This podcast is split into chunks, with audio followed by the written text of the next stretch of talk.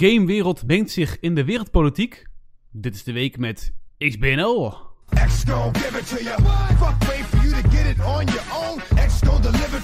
Yes, uh, beste kijkers en luisteraars van deze podcast. Welkom bij aflevering 205 van de week met XBNL.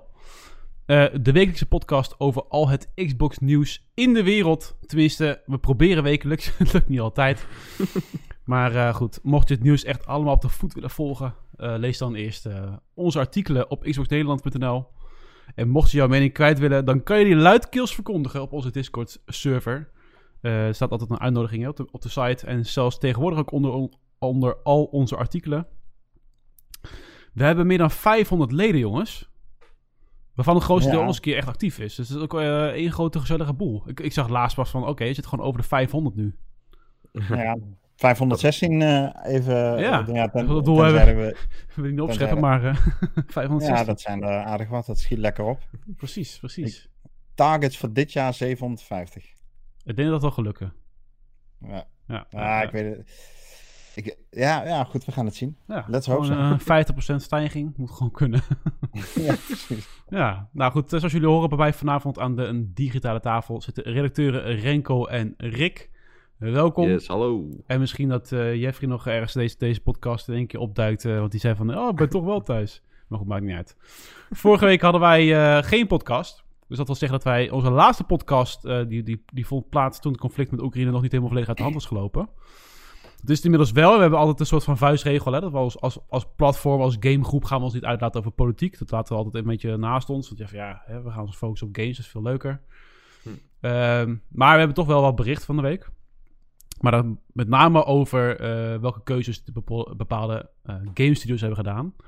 eh, aan de hand van het conflict. Want die zijn ook namelijk niet mals. Hè? Dus zoals je allemaal weten komt de hele wereld en zijn moeder met zware economische sancties jegens Rusland. En dat raakt heel veel Russen. met als einddoel natuurlijk de regering ook hard raken. We gaan de- deze podcast niet compleet daarover hebben. Maar hè, er is ook gewoon nog een ander nieuws. Maar goed, wil wel een beetje focussen op die de game studios wat ze hebben gedaan. We hebben ook nog veel andere onderwerpen. We hebben gebarentaal in Forza. Hoor je gewoon broem broem van je motor, hoor je gewoon, dat zie je dan gewoon in gebarentaal. Nee, dat weet ik niet. Daar hebben we zo meteen niet over. We hebben natuurlijk de dikke titels in de Game Pass. Maar ja, dat is bijna standaard geworden, hè? Dat we zoveel leuke titels hebben. Veel reviews.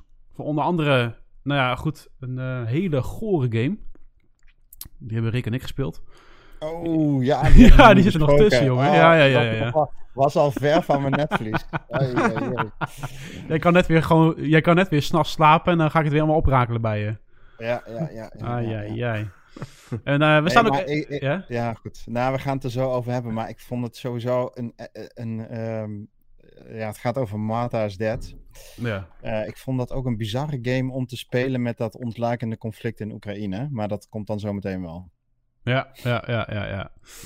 Ehm, nou ja, goed, dus dat. En eh, we staan ook nog even stil bij eh, Elden Ring. Eh, want de meningen over deze game leken unaniem laaiend enthousiast.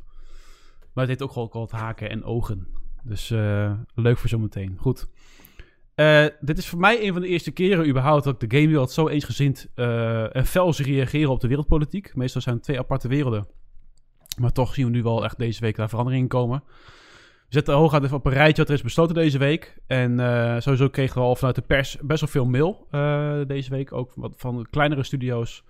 Eh, sommige studio's kiezen ervoor om de inkomsten te doneren aan ehm, initiatieven om Oekraïne te helpen. Sommige studios hebben ook gewoon bericht van jongens, we gaan eventjes stoppen met developen, want we willen het personeel hun veiligheid garanderen en hun families. Dus die zijn echt gewoon eerste rangs geraakt. Ehm, nou ja, goed. eh, Ja, dat is Ja, eigenlijk... denk, bijvoorbeeld aan, aan Ubisoft heeft een eh, studio in, in Kiev.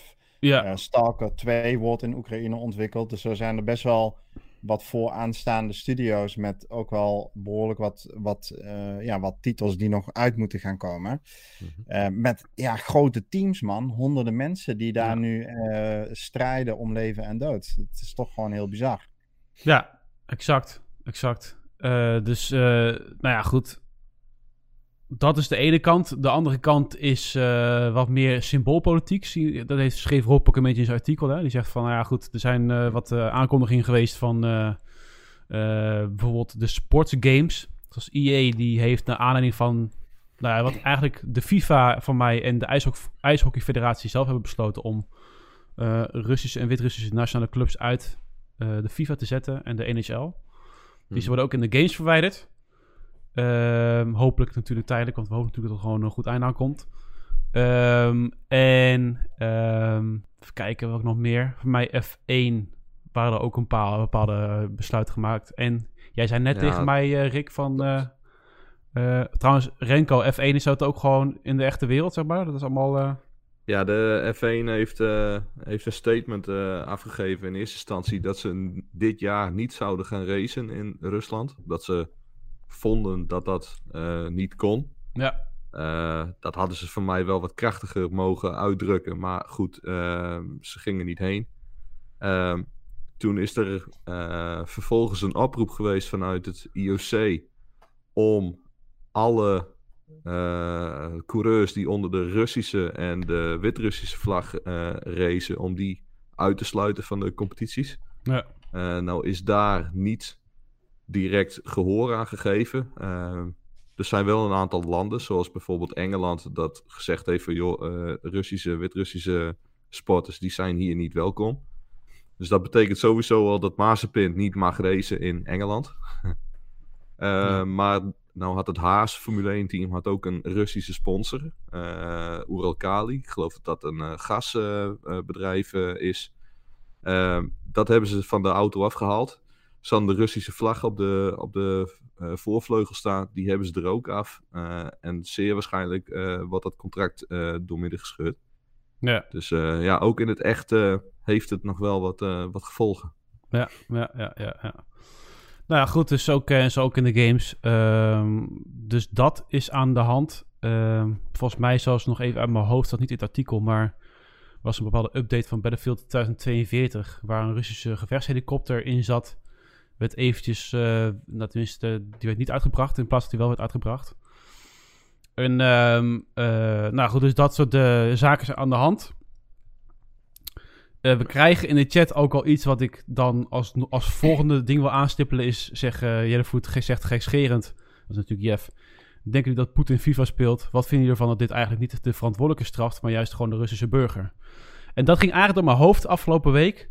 Dat eh, dit is de oorlog in mijn hoofd van Poetin. Niet zozeer van de burgers die in Rusland wonen. Dus onze Russische mede-collega's, onze Russische mede-gamers... worden gewoon gestraft voor iets wat hun president doet. Hè? Ja, Dus eh, ja, die hebben eh, misschien wel nu het meeste te maken met die economische sancties. En eh, daar voel ik dan toch weer voor, van, ja, maar weet je wel, kut. Want zij willen, zij willen het ook helemaal niet. En zij krijgen nu wel gewoon beperkingen, weet je wel. Ook, ook in hun Ja. games die zij het liefste spelen. ja. ja dat, dat klopt. Maar weet je, oorlog is gewoon fucking lelijk. Mhm. Ehm, daar vallen slachtoffers. ja. Ehm, zowel eh, dodelijke slachtoffers als, nou ja, dit soort dingen dan. Dan kan ik me voorstellen dat je het minder erg zou vinden dat je even een potje FIFA niet meer met je favoriete team kunt spelen, dan dat je gewoon een kogel krijgt. ja. Ehm, maar ehm, ja, weet je, zo'n Poetin zal niet wakker liggen van het feit dat eh, eh, het Russische team uit een voetbalspelletje gehaald wordt. Dat maakt verder ook niet uit. Ik bedoel, niks doen is, is ook geen optie. Dus ik vind het een, ik vind het een mooie, mooi gebaar. ja. Maar dat die echte sporters, dat die nu gestraft worden, dat is voor hun natuurlijk heel vervelend. Maar eh, dat raakt uiteindelijk Poetin ook wel. Want dat is wel een, een, een eh, trots, ja, een beetje eh, ja, zo- zo'n sportman. Die, hij wil graag winnen, hij is gek op sport. Hij heeft die Olympische Spelen toen naar Rusland gehaald. eh, natuurlijk Formule 1 heeft hij, Mhm. heeft hij er ook naartoe gehaald. Dus ik denk wel ehm, dat, hij, dat, hij dat, dat hij dat toch enigszins kut gaat vinden. ja. En eh, ja, weet je, het, ja, wat je ook doet, weet je, het, eh, wat ik zeg, oorlog, oorlog is lelijk. En daar zijn eigenlijk, nou ja, ik zie het in de chat ook staan, er zijn alleen maar verliezers. Daar, daar kan ik het alleen maar mee eens zijn. Ja, ja, ja. Ik zag net voorbij komen bij een andere aankondiging, of tenminste was een eh, oproep van de jongens gebruik niet Microsoft Flight Simulator om eh, fake footage te maken voor Oekraïne. En dat is eigenlijk wel een bizarre eh, oproep, als in dat we dus nu bij het punt zijn aangekomen in onze realiteit, Waarbij we dus games kunnen gebruiken om een soort van fake footage te gaan maken überhaupt. Hè? Dat het al zo ver of zo dicht bij de realiteit ligt. Eh, ik heb ook het gevoel dat bij deze conflicten ehm, is de waarheid van informatie des te belangrijker. Want er zijn natuurlijk duizend bronnen op internet. En eh, je kan je afvragen van welke zijn waar, welke zijn niet waar. Hè? Een beetje propagandaoorlog to the next level. Mm. Maar dat een game dus al gewoon, ja, dan al zoveel daarin uit kan maken. Vind ik toch wel, eh, vind ik toch wel eh, bijzonder. Dus eh, goed. Tot zover de stand van zaken op dat gebied. En ehm, eh, ja, laten we hopen dat er wel een, snel een einde aankomt. En dat we allemaal weer met, in een volledige harmonie ook in ieder geval kan, kunnen gamen. En vooral kunnen leven.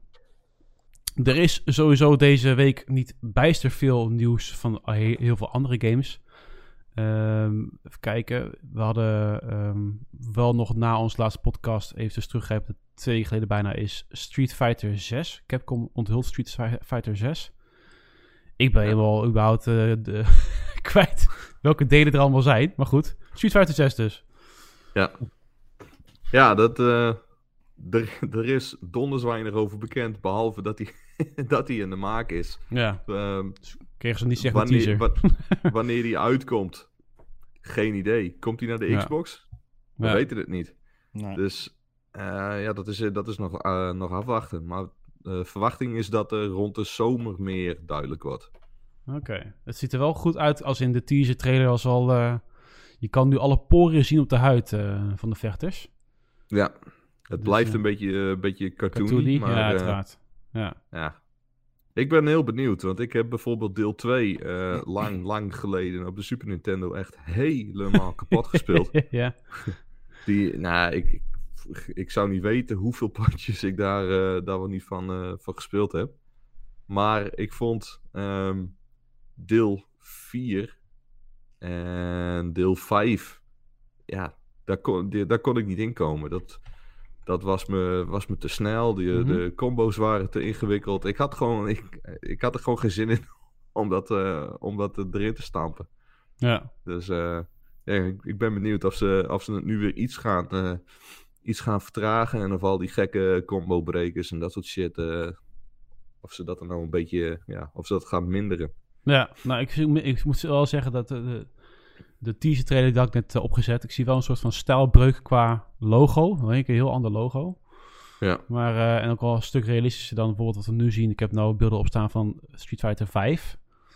En, eh, maar goed, ik ken die games eerlijk gezegd, ja, vroeger heb ik gespeeld, maar daarna niet meer. Ik ben niet zo van de fighters wat dat betreft. De laatste fighter die ik heb gespeeld is volgens mij Dragon Ball Z Fighters. Dus Oh, ja. die was wel heel erg leuk trouwens, dus wat dat betreft. Maar goed, tot zover Street Fighter.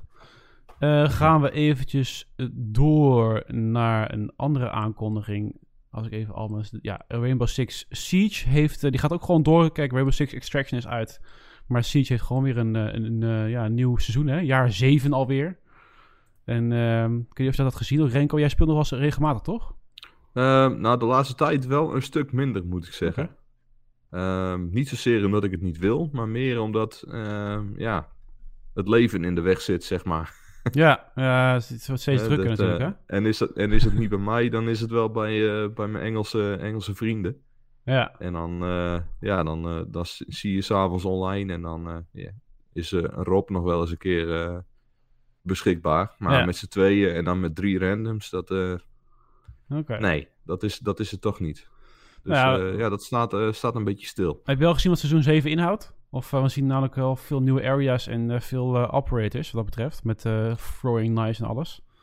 Ik ehm, heb me er nog niet heel erg in verdiept, maar inderdaad, eh, die throwing knives, die zijn, eh, die zijn wel nieuw. Dat, Ja. eh, dat zou, eh, dat zou best, eh, best interessant kunnen zijn. Hm. Dat je volledig stealthy iemand uit eh, kunt schakelen. Maar eh, Ja, nee, ik, eh, die, de nieuwe operators over het algemeen ben ik daar niet heel gevoelig voor. Dat, eh, dat komt en op een gegeven moment komt dat wel een keer beschikbaar. En als ik genoeg punten bij elkaar gespaard heb, dan ja, schaf ik er eens een aan.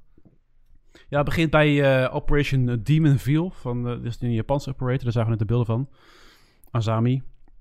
En dan komen er ook nog operators uit België, Singapore en Colombia. En eh, allemaal met nieuwe maps zie ik al. Het zijn, of het is eigenlijk hier, ik zeg het verkeerd, ik zei het seizoen, maar het is dus jaar zeven. En dan Ja, heb je dan zeven, een, vier seizoenen in een jaar. Ja, raar. Ja. En eh, daar zie je dus ook net elke keer een nieuwe map, nieuw event. En eh, dat zit uiteraard allemaal in de, in de Battle Pass. Maar je kan dus ook nog steeds die punten verdienen volgens mij. Ja. Dus eh, ja, wel goed nieuws voor de mensen die nog steeds Siege spelen. Het, elk jaar blijft er gewoon weer er blijven gewoon nieuwe dingen uitkomen. En eh, reden genoeg om het te blijven spelen als ik het zo hoor. Ehm, dus dat is wel fijn. Een andere game die is aangekondigd. En ik moest gelijk denken aan Doom. Ik dacht van, het is gewoon een Doom game, maar het is Cave. En ja, ja goed, eh, dat is al helemaal... eh, Ik dacht van, nou, het lijkt een soort van... eh, ken je dat nog van vroeger? Painkiller was dat? Een beetje Painkiller en Doom eh, bij Oh, ja. elkaar. Maar eh, goed, het, is een, eh, het ziet er goed uit. Het is een, eh, een, een- onderwereld met allerlei eh, eh, zieke wapens en eh ja, soepele gameplay. Sowieso ook Ja. alweer. En eh, vliegende monsters, uiteraard, met neonlichten. Nou, het, is wel, eh, het is wel heel tof. Ja, en het, is, eh, het wordt een soort, eh, soort bullet hell. eh. Ja, dus dat is dan weer een klein beetje de twist. Maar het heeft qua stijl, qua, qua sfeer, inderdaad heel veel van Doom. ja. Nou, heb je wel een drop in, drop in koop. Dat is wel weer vet. Met z'n vieren een beetje Ja. knallen. Lijkt me echt heel erg leuk. Dus Ja. het ziet er lekker uit. Of niet, Rick? Je bent zo stil, jongen. Wat wil dat uh, Ja, ervan? nee, ja, eh, Street Fighter, eh, Rainbow Six Siege en nu eh, een, een, een of andere middelmatige FPS, daar heb ik weinig over te zeggen. Ai, ai, ai. Zo weer duidelijk. Zo duidelijk. Rick is zijn kracht aan het sparen voor de discussie zometeen. Dus eh, die houdt zich nog eventjes afzijdig. Ja, die- Losgaan die- over Martha's Dead. Ja. Die, Ah, die zoekt een moment om, eh, om Sea of Thieves... eh, Ja! Je het gaan over promoten. Sea of Thieves. Nee! Het woord is gezegd. Ja, nee. Ja. Ja. Ehm, goed. Eh, als we kijken naar de, de games die elk jaar uitkomen, dan zullen, we al snel kijken naar een game als Battlefield en Call of Duty. Maar het, eh, het gerucht gaat dat Call of Duty gewoon wordt overgeslagen dit jaar. En normaal Ja. zijn er dus een paar ontwikkelaars die eh, elkaar afwisselen, waardoor we eigenlijk elk jaar weer een Call of Duty kunnen zien op de planken van de winkels. Maar dit jaar eh, is dat dus eh, niet zo. Maar Is het nou een gerucht of is het al bevestigd dit? Nee, dit, het, gaat, eh, het gaat om de game voor volgend jaar. Die van dit jaar, dat, eh, dat is, Modern, Warfare 2. Ja, precies. Die, gaat, die gaat gewoon komen. Ja. Eh, maar volgend jaar, dan, eh, dan slaan ze over. Ehm, het, Ja. het- ja? Ja, het is nog een gerucht volgens mij. In de zin van. eh, er is, Activision heeft wel een bericht uitgedaan. eh, eind vorige week was dat. Waarin ze gezegd hebben van. We blijven ehm, Call of Duty supporten met eh, gratis updates en content. Mhm. En verder hebben we op dit moment geen nieuws te vertellen. En jullie horen van ons als er nieuws is. Dus ze hebben het, hè, ze hebben het niet weerlegd. Nee. En nog maar, ja, alles wijst wel in die richting. Een rapport uit, eh, van Bloomberg, die dan ontwikkelaars gesproken zou hebben, anoniem. Die bevestigen dit. Die zeggen ook, het heeft niets met de overname van Microsoft te maken. Het is meer bedoeld om een pas op de plaats te maken en eens kritisch te reflecteren op, ja, hoe gaan we met deze franchise verder? Ja. Ondanks dat hij nog steeds iedere maand in allerlei top 10 lijsten staat en miljarden binnenharkt, ehm, ja, is de publieke opinie eh, steeds minder laaiend en enthousiast. En Ja. eh, dat is kennelijk bij dit team ook niet in de koude kleren gaan zitten. Eh, niets is het nog bevestigd, maar eh, ja, alles wijst er wel op dat er een jaar overgeslagen wordt. En ja, eerlijk gezegd denk ik dat het een goed teken is. Laat die mensen even adempauze eh, nemen, terug naar de tekentafel gaan, wat Ja. creatieve ideeën opwerpen. En we hebben bij eerdere franchises gezien dat het goed kan uitpakken. Ik denk aan Forza Horizon, zat een extra jaar tussen. Ik Ja. denk bijvoorbeeld aan Assassin's Creed, hè, dus de, hè, nou, naar Origins toe. Heeft allemaal Ja. best wel goed uitgepakt. Voor franchises die toch in een soort van slop zaten. Ik denk dat het Call of Duty dat ook zo is. Niet zozeer qua eh, revenue die ze weten te creëren, maar wel qua eh, creativiteit en spelplezier. En eh, Ja. nou goed, we gaan het volgend jaar zien. Het, ik, ik weet anders dan FIFA eigenlijk ook geen franchise te bedenken die minder veranderd is dan Call of Duty. Ja, ja absoluut. Eh, en dat is ook niet zo heel gek, want we krijgen natuurlijk al twintig jaar elk jaar een nieuwe, een nieuwe titel. De ene wat succesvoller dan de ander. Ehm nou moet ik wel eerlijk bekennen dat ik de campaigns van die game eigenlijk toch elk jaar wel heel leuk vind om weer te spelen. Maar om nou 60 euro uit te geven voor een campaign van 6 uurtjes, nee. Nee, het is echt too much. Ja, Hè, echt, dus? Dus, ja, dus misschien is het inderdaad wel helemaal niet zo'n gek idee. Eh, Activision zegt zelf ook van we zitten eigenlijk onszelf in de weg met alle verschillende Call of Duties. Ja. Eh, en doordat het zo op elkaar lijkt, eh, ja, het raakt de markt gewoon verzadigd. Ja, en Dus, ze, hebben nu, ik heb, ze hebben nu natuurlijk ook gewoon met Warzone, wat denk ik eh, dit voorjaar twee jaar bestaat. Dat doe ik even uit mijn hoofd, weet ik niet 100% zeker. Eh, maar hebben ze natuurlijk gewoon een live service game, hè, waardoor ze alsnog revenue eh, binnenhalen. En eh, misschien dat er nu ook gewoon meer mogelijkheden zijn om een pas op de plaats te maken. Hè? Dat ze niet meer steeds iedere feestdagen die nieuwe Call of Duty moeten uitbrengen, maar ze hebben gewoon de inkomstenstroom van Warzone. Misschien Ja. dat dat ook meespeelt. Komt dit jaar overigens ook nog een nieuwe van, hè? Warzone. Ja, Oh, klopt, echt? ja. ja. Ja. Ja? Ja. Ah, Oké. Het de vorige keer de vorige podcast van mij over, ja. Toen. Ja. Nou, dus dat. Eh, ja, nou ja, gewoon een goede ontwikkeling, denk ik wel. Eh, Even kijken hoor. We hebben meerdere dingen als in gratis games. We hebben natuurlijk gratis games in de vorm van Games with Gold. Maar we hebben ook gratis games. Ja, gratis is het natuurlijk niet, hè? Games, Mhm. Game Pass is niet gratis. Maar het voelt wel gratis elke keer. Dus ja, dat is een beetje Ja. de dubbele daarin. Ehm, als eerste wil ik toch even kijken naar de Games with Gold van maart. En eh, nou ja, goed. Er zit op zich wel een paar leuke titels tussen. Maar ja, het is toch een beetje altijd half-half. Als in, je ziet The Flame in the Flood. Street Power Soccer, die zegt me nou helemaal niks. Sacred 2 en eh SpongeBob Truth or Square van de Xbox 360. En Sacred 2 natuurlijk ook van de Xbox 360. En eh, nou ja, goed. Zeggen we, jij krijgt weer 90 dollar aan game value. En van, ja, leuk. Maar skip ook tegelijkertijd. Ja. Eh, maar goed. Maar de Flame en de Vlot eh, moet nog wel best wel een leuke game zijn. Ik heb hem zelf niet gespeeld, maar van, diezel, van diezelfde studio heb ik vorig jaar wel een game gereviewd waarvan ik de titel niet meer exact weet, maar het was iets met The Church. En dat was echt een hele vermakelijke, sfeervolle game. En eh, ik had ook eens even gekeken van ja, wat, hè, wat waren nou de review scores van de Flame en de Flood? En die waren best wel overwegend positief. ja, Uh, dus het is wel een game die ik ehm, voor het eerst sinds lange tijd ehm, toch ga binnenhalen. toch die, een eh, eh, Games of Gold titel. Ja, wel om eens gewoon eens te checken. Ik heb deze toen gemist en eh, eh, ja, het ziet er leuk uit. Volgens mij kan het best vermakelijk zijn. Een beetje een adventure exploratie game. Daar hou ik wel van. Nice, nice. Nou, toch nog één speler die ze hebben weten te overtuigen. Ja. en ehm, eh, kijken, als we dan gaan naar de games eh, van de Game Pass, dan zie je natuurlijk hele andere titels erin. En eh, dat zijn Zo. wel eh, grote titels wat mij betreft.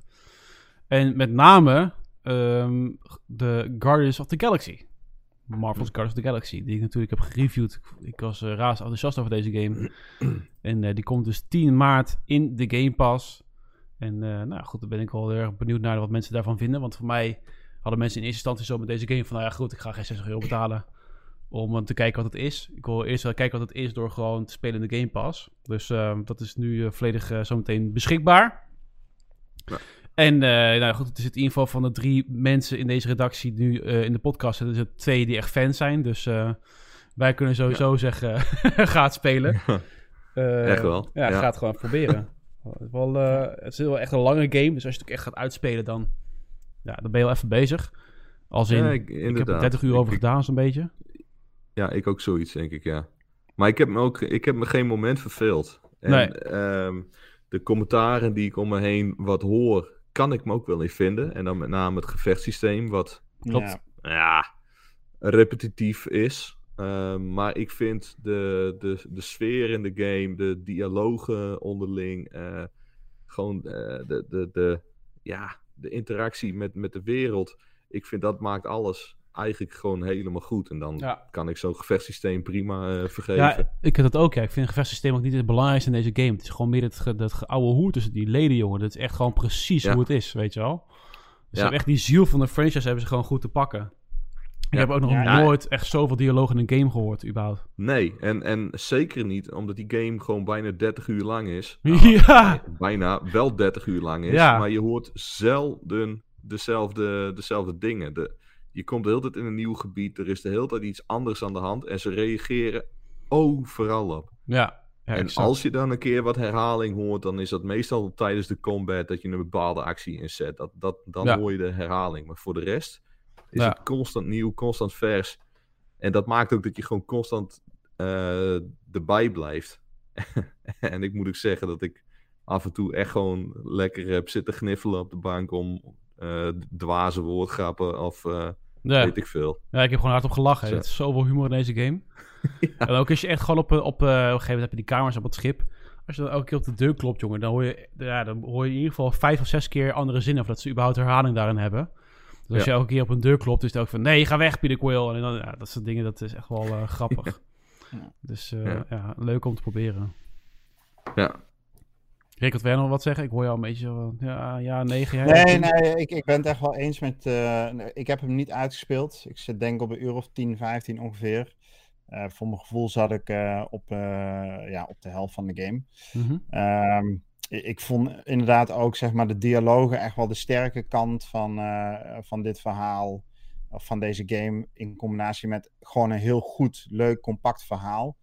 En eh, ik liep wel vast op die combat. Ik vond dat eh, clunky. Ik vond dat niet fijn besturen. Bij mij automatiseerde het niet, weet je wel. Ik vind het helemaal niet erg om aan een combat systeem te wennen. Meestal trek ik daar ook een paar uur voor uit. Maar ja, na tien uur had ik nog steeds iets van ja, het werkte voor mij niet lekker. Ik vond ook de combat überhaupt repetitief. En dat Ja. maakte voor mij dat ik wat moeilijk mijn aandacht bij de game kon houden. Hoewel ik de hele context, de sfeer en zo eromheen wel echt super interessant vond. Ja. Ehm, haakte ik daar, nou ik haakte er niet op af, maar het was voor mij niet genoeg om te zeggen van oké, ik speel dit echt door en dan pas ga ik naar de volgende game. Ik ga er wel nog naar terug, maar het was voor mij niet zo urgent of zo. En dat zat Ja. hem echt in het combat systeem dat, Ja. eh, dat voor mij gevoel gewoon niet lekker uit de verf kwam. Ehm, Ja. Maar weet je, eh, kijk, zonder twijfel sluit ik me wel bij jullie aan. Deze game moet je gewoon. Hij zit in Game Pass en het is een no-brainer om te checken. Eh, Ja. Het is gewoon echt een eh, kwalitatief hoogstaande game. Ehm, eh, maar met de kanttekening dat je misschien op die combat stuk kunt lopen. Ja, nice. Ik zie je trouwens, zo voordat we verder gaan met de Game Pass. Jas Second zegt in de chat... Ik lees net dat GTA 5 een next gen een 60 fps raytracing modus krijgt. Maar was inderdaad, ik weet niet of het al bekend was Ja, afgelopen dat week. ik, eh, dat artikel heb ik gelezen, ja. Maar dat was... Ja. is nee, oh, dat is ja. vandaag. eh, eh, die, die, kijk, de GTA 5 komt natuurlijk volgende week ehm, voor, Voor deze de- generatie. Voor de 60 een keer uit. uit. En vandaag hebben ze de specs uit de doeken gedaan. Hmm. En ehm, wat eigenlijk wel op, opvallend is de Series X performance, maar nog opvallender de Series S performance. Even voor de, voor de volledigheid. Ja, Ehm, ze gaan drie nieuwe graphics settings eh, ondersteunen, eh, waaronder de Fidelity Mode. Die draait op de hoogste visuele settings, native 4K en raytracing 30 fps voor eh nou, Series X. En de Series S ondersteunt datzelfde, alleen een opgeschaalde 4K resolutie. Eh, Hmm. En dan ook met raytracing en 30 fps. Hmm, dat is dat natuurlijk wel iets ehm, eh, wat, ja, wat opvallend is. ja. Er is ook een performance mode, 60 fps met upscaled 4K ehm, resolutie en ehm 1080p op de Series S. Ja. Nou, ja, ook, eh, ook wel netjes. En dan, nu komt een deel dat ik, wat ik wat lastiger kan, kan volgen, maar er is ook een, ehm, een hybride vorm. Ehm, en dan gaat het over dat eh er o- sprake is van opgeschaalde 4K met raytracing, die zich wel richt op 60 fps, maar dan bepaalde features heeft uitgezet. Ehm, Ja. En hoe dat precies zit, dat heb ik, eh, heb ik nog niet kunnen terugvinden. Overal, zeg maar, moeten dit high-end PC-visuals gaan worden. ja. Dus dat is wat eh, Rockstar letterlijk eh, belooft. Hm. En eh, heel concreet, wat mogen we daarvan verwachten? Nou, onder andere eh, hogere verkeersdichtheid, eh, betere vegetatie, eh, uiteraard. verbeterde eh, belichting en schaduweffecten, waterreflecties, eh, verbeterde motion blur, enzovoort, enzovoort. Ja. Dus het lijkt toch wel iets meer te zijn dan gewoon een simpele eh, reskin. Ehm, maar goed, ik durf er niet mijn hand voor in het vuur te steken na de baken van de GTA-trilogie. Nou, ik kan het zeggen, ja. Nou ja, maar überhaupt, ja, dat is een andere studio geweest, maar eh, de- toen ze de trailer uit lieten komen en toch wat aankondigingen hadden gedaan, hadden mensen wel zoiets van, nou, dit is echt gewoon een dikke cash grab, deze eh, next gen update. Dus het is Ja. eerst zien dan geloven. Wat voor mij veel Ja. interessanter is, is het GTA Online gedeelte. Hè? Dat gewoon nu dan zometeen helemaal standalone is met een story mode aan zich. En dat je de transfer kan doen volgens mij naar eh, Next Gen. Dus Ja. dat is voor mij wel eh, leuk, want ik wil, ik, ah, ik weet niet, ik heb wel vier keer geprobeerd om GTA Online op te pakken en elke keer denk ik van nee, weet je wel, ik- nee, ja, ik hak toch weer af of zo.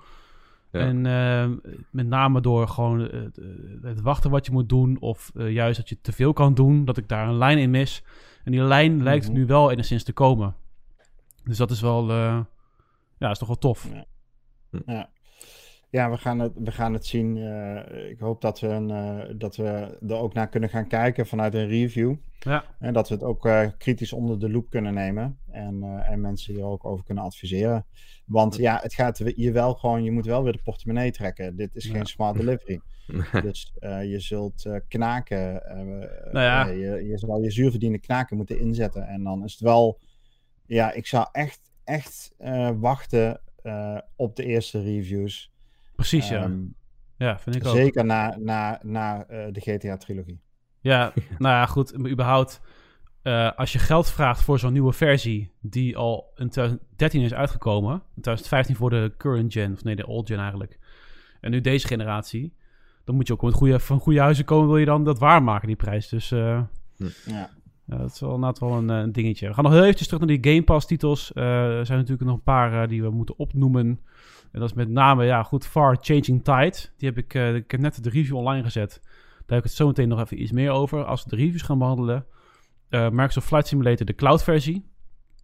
Die, eh, eh, eh, ja, die is nu beschikbaar. Waardoor je dus eigenlijk voor mij ook automatisch je Xbox One kan gebruiken om de Xbox Series X versie te streamen naar je Xbox Hm. via de cloud. Ja.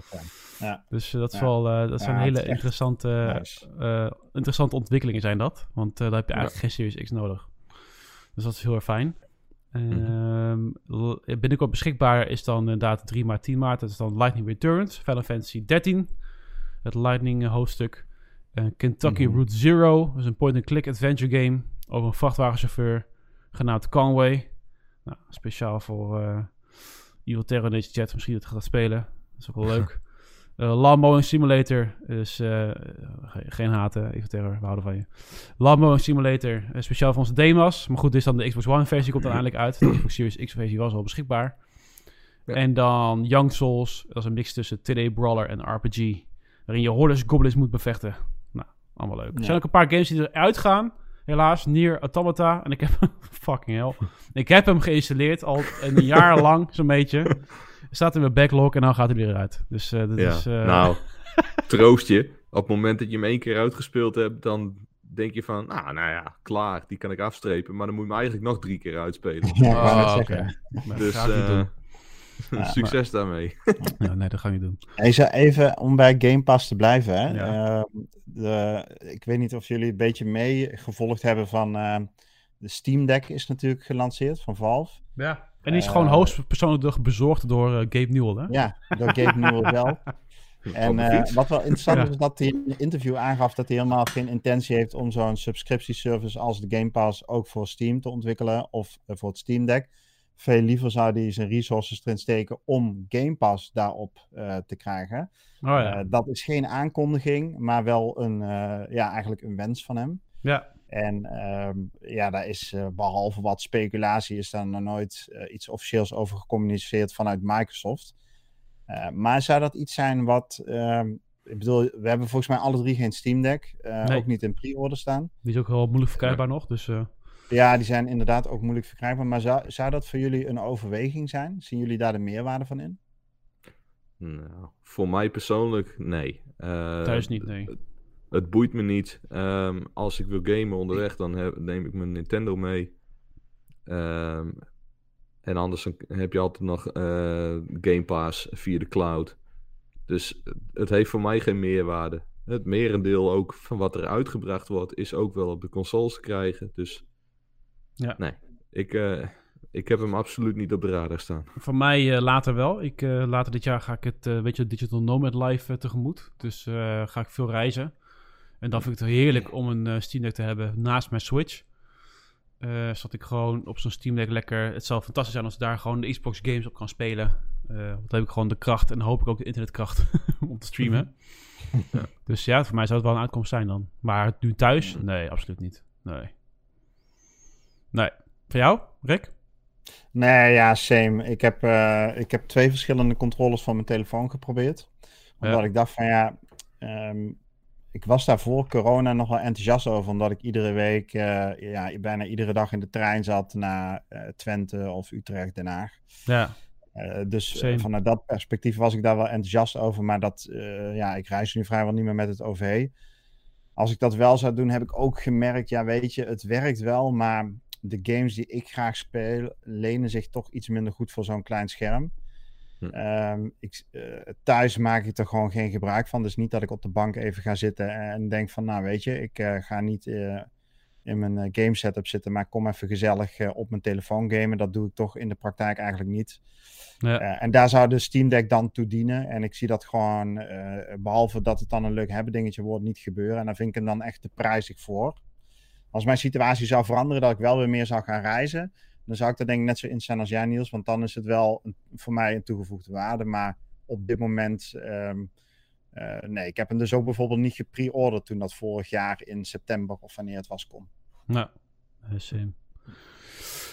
Oké.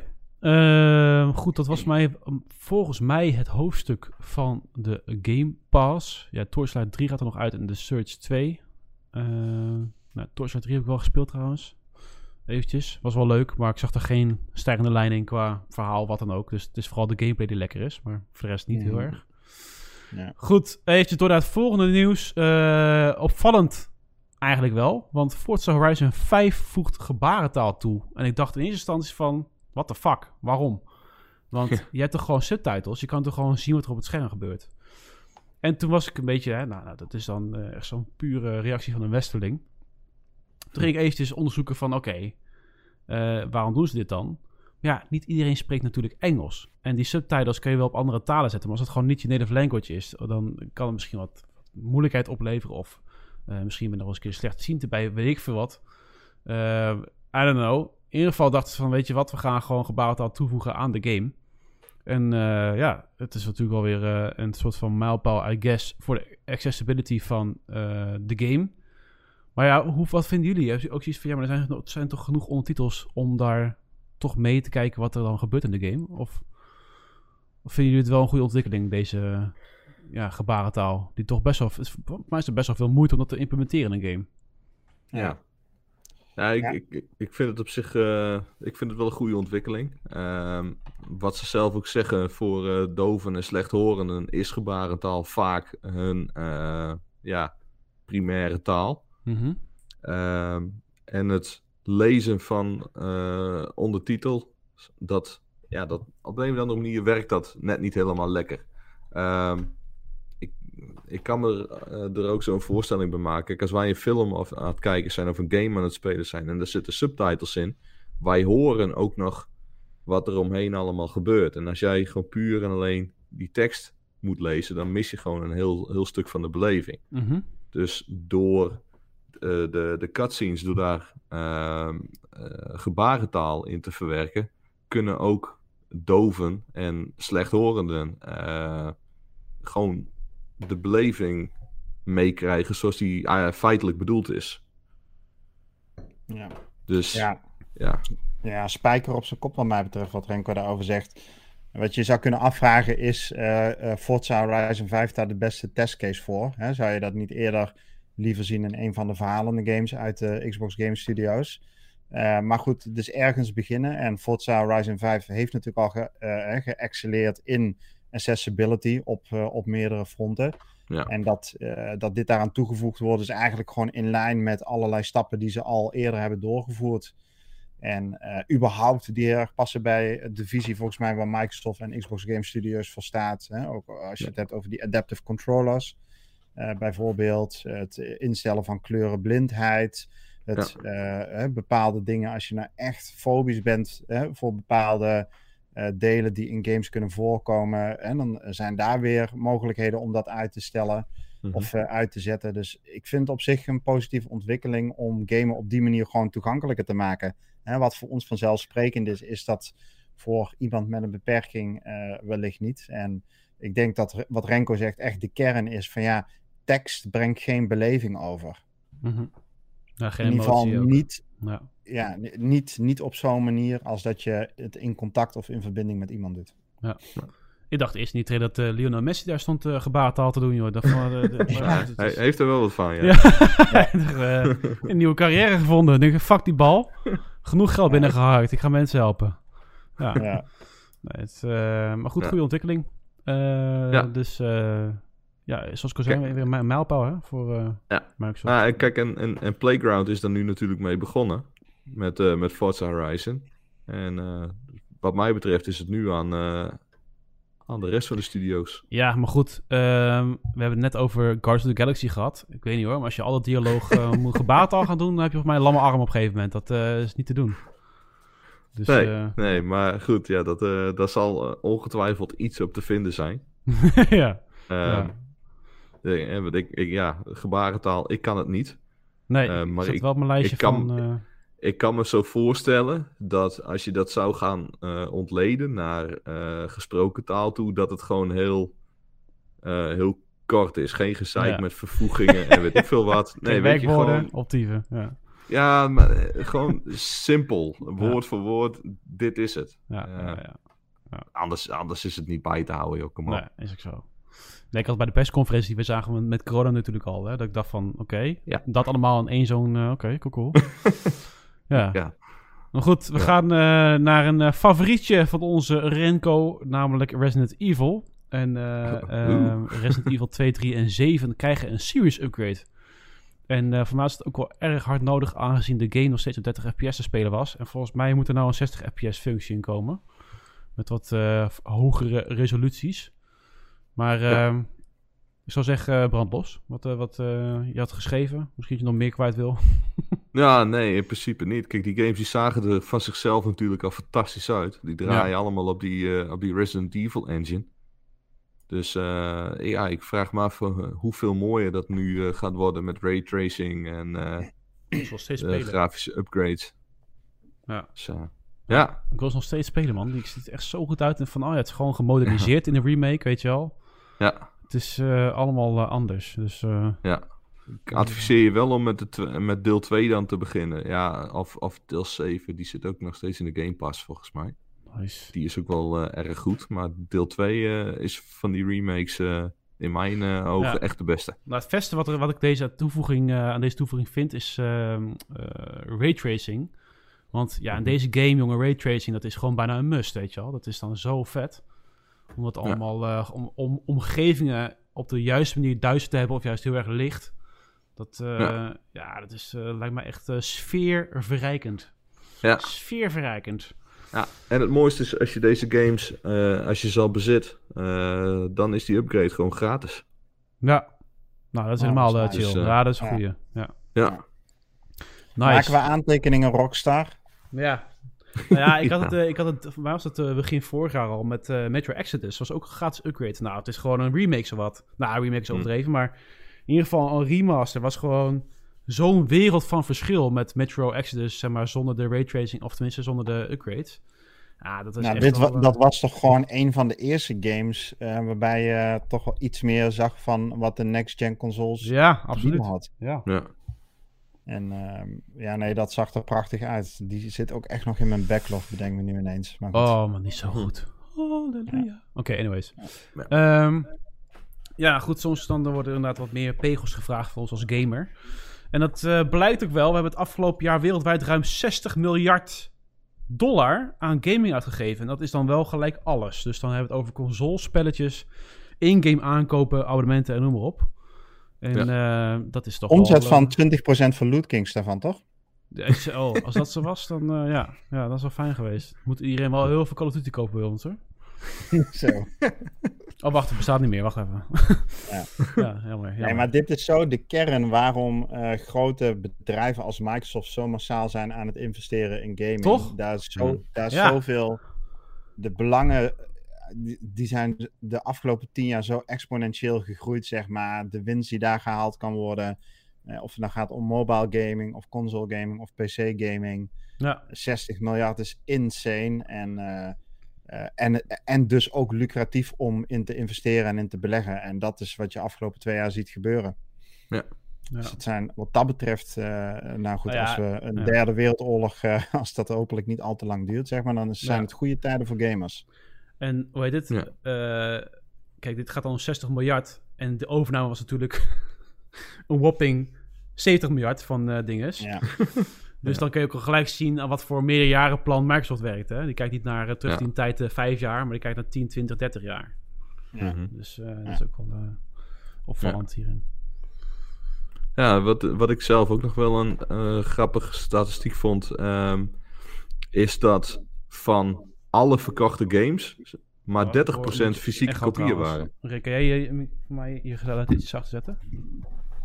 Dit zal beter zijn, denk ik. Ja, waarschijnlijk al. Ja, 30% fysieke games. Ja, Ja. Dat, eh, dat, ja goed, die, ehm, die hele fysieke markt, zeg maar, de hele retail voor gaming is natuurlijk gewoon...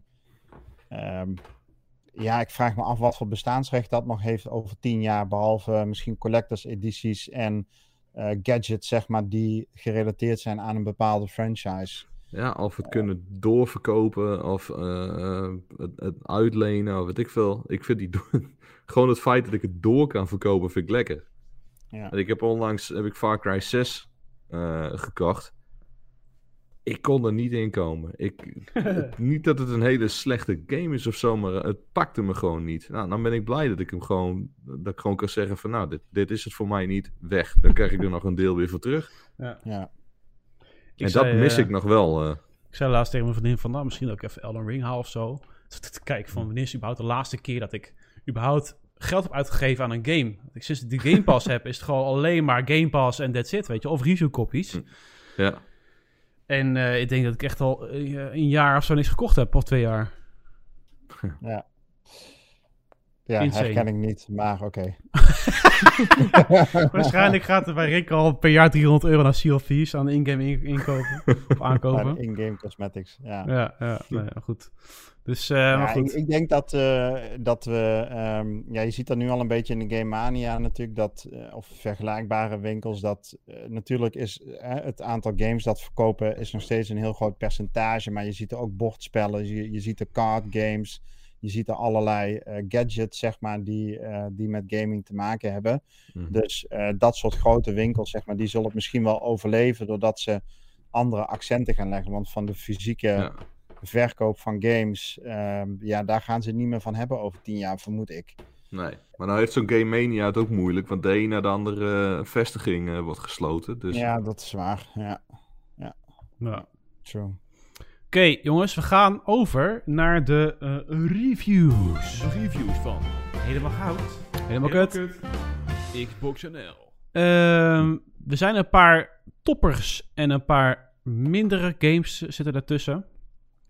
En laten we gewoon bij het begin beginnen. We beginnen bij Infernax. En die is dan eh, door Demas, eh, community member Demas, gereviewd. Onze retro-held. Degene met de meeste retro-love, tenminste. Onder andere naast Eddie. En andere Discord-members in onze retro-kanaal van eh iets van Nederland. En eh, nou, die was wel aardig enthousiast over Infernax, eh, eerlijk gezegd. Ik zal even een paar beelden erbij halen. Maar Die gaat hoger scoren dan Eldering, denk ik. ja die, dat, dat denk ik inderdaad ook, ja. Dus Die is voor amper 10 euro te koop waarschijnlijk. ja, dus het is wel Ja. opvallend. En nou goed, ik weet niet, hebben jullie hem gelezen, de, de review? Ja, ja, ik heb de review geredigeerd en eh, ehm, het is een Metroidvania game. En dan is het hit or miss. Eh, soms wordt die term Metroidvania natuurlijk ook keihard misbruikt. Ja, Echt, hoor? ja, Ja, Metroidvania, misschien- nee dude. Je gaat gewoon één kant op, je kan niet meer terug, doei. precies. en, eh, en zeker Dimas is daar heel erg kritisch op. Die, die heeft een soort allergie ervoor dat als een gameontwikkelaar eh, zijn game in de markt zet als een Metroidvania en dat dan toch niet zo blijkt te zijn. Mhm. Eh, maar dit is een pareltje. 8-bit gore luidt de titel. eh, met een super tight en strakke soundtrack. Hele pittige moeilijkheidsgraad waar hij natuurlijk heel erg goed op gaat. Hm. En je kan hem op verschillende manieren spelen. In de good or the evil variant. Ehm, en ja, daar heeft hij ontzettend van genoten.